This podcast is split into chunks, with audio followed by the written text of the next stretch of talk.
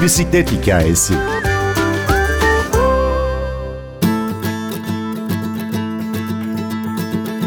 Sporcularla sık sık konuşuyoruz. Peki saatlerce süren bisiklet yarışlarına bir spor spikeri nasıl hazırlanır? Enes Kanbur hem mesleğinin inceliklerini hem de bu yılki Fransa bisiklet turunun gülümseten anlarını ve yeni şampiyonun balıkçılıktan zirveye uzanan hikayesini anlatıyor. Bize eşlik edecek şarkı da bisiklet sever bir müzisyen Jan Tiersen'den Je suis jamais allé. Ben Günür Öztürkener, bir bisiklet hikayesi başlıyor. Ankara'daydım. 7 yaşında olmam lazım. Sokakta arkadaşlarım bisiklet sürerken benim de yeni bir bisikletim olmasına rağmen dört tekerliydi. Bu destek tekerleri vardı. Ondan da rahatsız oluyordum. Herkes sürebiliyordu, ben süremiyordum. Sonra arkadaşlarımın yardımıyla onlar böyle beni tuta tuta götüre götüre iki tekerli bisiklete binmeyi öğretmişlerdi bana. İlk herhalde bisiklete dair anım da bu. Peki o dört tekerlekli bisikleti süren Enes acaba şu anda dünyanın en önemli bisiklet organizasyonlarını sunan spiker Enes Kanbur'a nasıl dönüştü? Şöyle dönüştü. Ben hep çocukluğumdan beri spora çok çok ilgiliydim. Birçok spora hem de. Hatta okumayı yazmayı bile spor gazetelerinden daktiloya kopya ede ede oradaki harfleri kendi başıma öğrenmiştim 5-6 yaşındayken. Sonrasında spora ilgim baki kaldı, kaybolmadı. Yalnızca futbola ya da basketbola değil de birçok spora ilgim vardı ve bulduğum her şeyi izlerdim. Bisiklet de tabii ki bu sporların arasındaydı. Sonrasında üniversitede ben gazetecilik okudum, spor gazeteciliği yapmak adına. Ardından yolum Eurosport'la kesişti bir şekilde. Orada da hani bisiklete ilgim olunca spikerlik de yapmak istiyordum bir yandan. Denemelere başladım. Ardından da 2018 Kasım olması lazım. İlk bisiklet yayınımı yaptım, ilk canlı yayınımı yaptım. Oradan bu yana da bisiklet anlata geldim diğer sporları anlatmakla bisiklet yarışlarını anlatmak arasında nasıl bir fark var?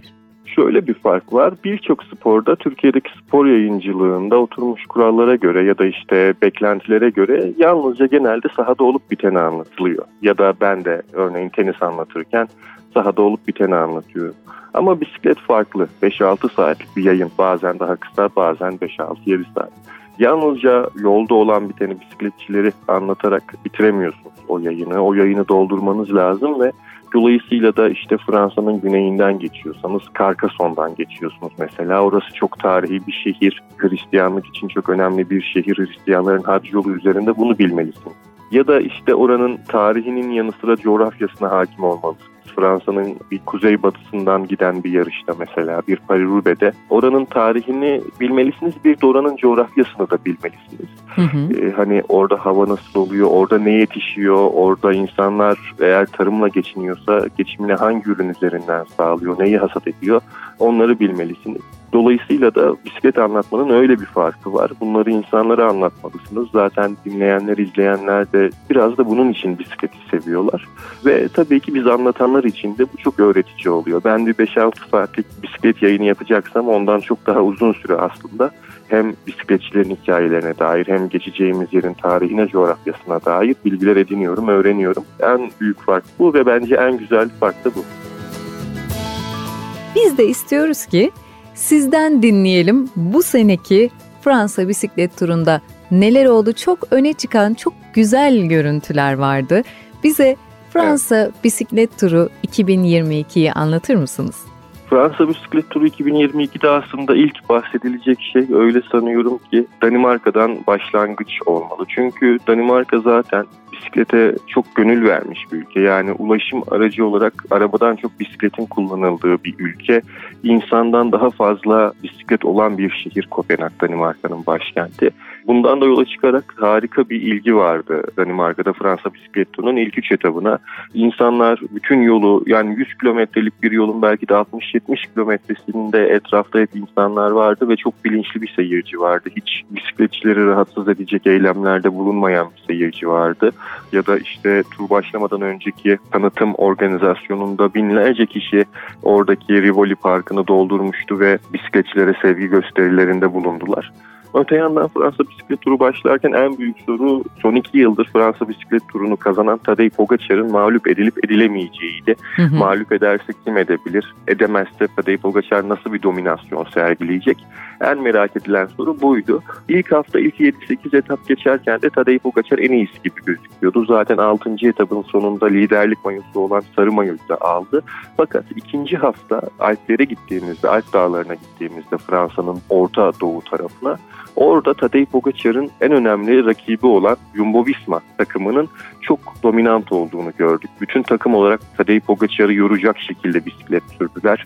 Bütün hamlelerini Tadej Pogacar'ı güçsüzleştirmek ve e, yalnızlaştırmak adına yaptılar.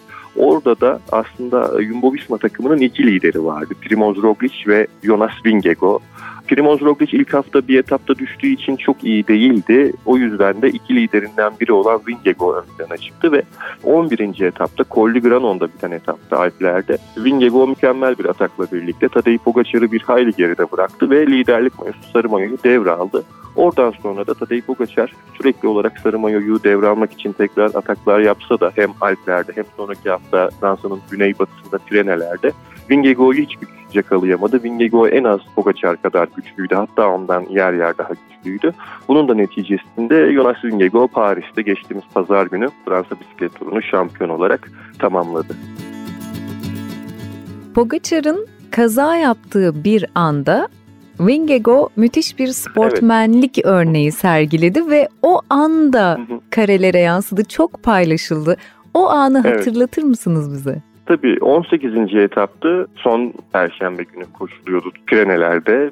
Orada inişte ikisi aslında birbirine çok yakın giderken Tadej Pogacar bir yerde virajı iyi alamadı ve kendini birden yol kenarında yerde buldu. Vingegaard aslında zaten öndeydi ve farkı daha da büyütebilirdi tempoyu çok arttırırsa o noktada. Bir daha Pogacar onu yakalayamazdı. Ama yeni nesil bisikletçiler özellikle de gerçekten birbirine çok saygılı, spor ruhuna çok hakimler, çok sahipler ve birbirlerine bir saygı ve zaman zaman da sevgi dahi duyduklarını görüyoruz. Vingegaard da zaten çok güzel bir karakter. Pogacar gibi keza. O da Pogacar'ın geride kaldığını fark etti ve biraz yavaşladı. Pogacar onun yanına gelene kadar böyle bir dakika düşük tempoda gitti.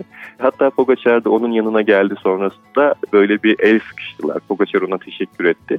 Zaten gerek Pogacar kazanınca Vingegaard gelip onu yanına hemen tebrik etti. Ya da Vingegaard kazanınca Pogacar geldi hemen etap sonrası onu tebrik etti. İki sporcu arasında çok büyük de bir saygı olduğunu böylelikle görmüş olduk.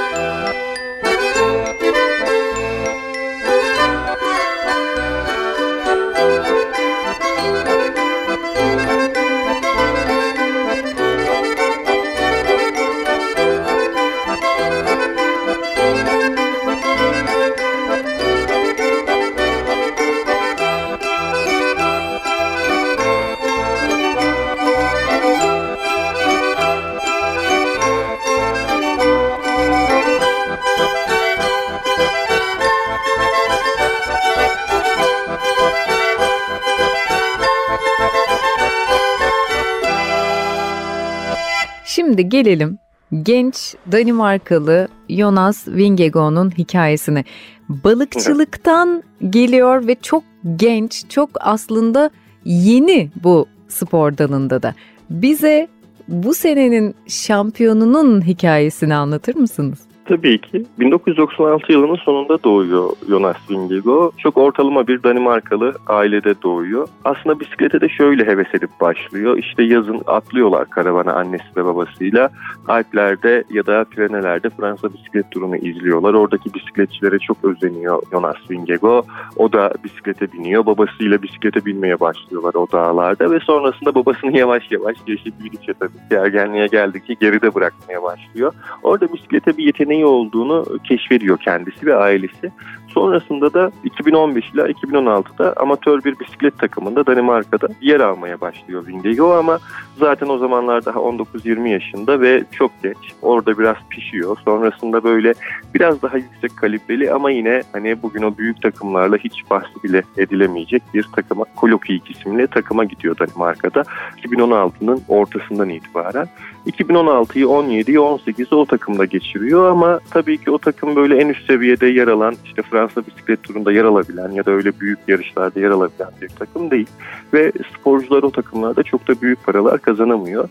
Bu nedenle de ek iş yapmak durumunda kalıyor Jonas Vingegaard. 2017 ve 18 yıllarında memleketine yakın bir yerlerde Hanshold'de Danimarka'da bir balıkçıda paketleme işi yapıyor. Yaklaşık bir buçuk iki yıl boyunca ek gelir oluşturmak adına. Orada çalıştıktan sonra 2019 yılında bugünkü takımı Jumbo Visma'ya katılıyor ama o Jumbo Visma'ya da öyle tabii ki direkt elini kolunu sallaya sallaya gidemiyor.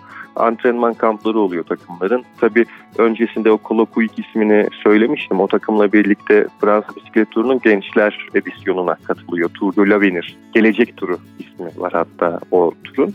2018'de o turda bir etap kazanıyor Jonas Vingegaard. Böylelikle de o Jumbo Visma'nın ilgisini çekiyor. Jumbo Visma ile antrenmanlara katılıyor, sürüşlere katılıyor ve Jumbo Visma'da tabii Jonas Vingegaard'a böylelikle profesyonel bir sözleşme veriyor. Böylelikle bisikletle geçimini sağlayabilecek bu işin profesyoneli oluyor Jonas Vingegaard. Ve sonuç olarak bu sene biz onu podyumda hem de kucağında minik kızıyla bir şampiyon olarak görme fırsatı bulduk. O anı da gözümüzde canlandırır mısınız? Şöyle 2020'de Jumbo Visma takımı son etapta 20. sondan bir önceki etapta aslında kaybediyor Sarı Mayolu Tour de France galibiyetini Pogacar'a. O sırada o esnada çocuğu oluyor Vingegaard'un ve dolayısıyla da hani takımına yakın bir yerde ya da bir antrenmanda değil hastanede çocuğunun doğumuna yakın esnalarda o mağlubiyeti izliyor Vingegaard. Yani Eylül 2020 doğumlu çok güzel bir kızı var. Sonrasında tabii ki birçok yarışlara zaten hem eşi hem çocuğu imkanları el verdikçe gidiyorlar. Vingegaard'u yakından takip ediyorlar. Bu senede Jonas Vingegaard tüm galibiyetlerinden ve tüm etaplardan sonra neredeyse hemen eşini aradı zaten televizyonda da kameralarda da gördük onu. İlk olarak eşiyle ve çocuğuyla konuştu. Eşiyle çocuğu da hem 20. etaptaki bireysel zamana karşı etabından sonra hem de 21. etaptaki Paris'te Şanzelize'de etaptan sonra onunla birlikteydi. Hemen gitti işte 20. etaptan sonra 21. son etaptan sonra çocuğuna eşine sarıldı ve e, Şanzelize'de podyuma çıkarken orada binlerce seyirci de Çocuğu da kucağındaydı. Muhtemelen ilerleyen yıllarda da yine galibiyetler aldığı zaman kızını onun kucağında göreceğiz. Spor spikeri Enes Kanbur anlatıyordu. Fransa bisiklet turunu 26 yıl sonra Danimarkalı bir bisikletçinin kazanmasını Kopenhag'da meydanları dolduran binlerce kişinin bayram havasında kutladığını da söylemeden geçmeyelim. Ben Günür Öztürk Yener, prodüksiyonda Ersen Şişman, sportmenlik, dostluk ve bisikletle dolu yepyeni hikayelerde buluşmak dileğiyle.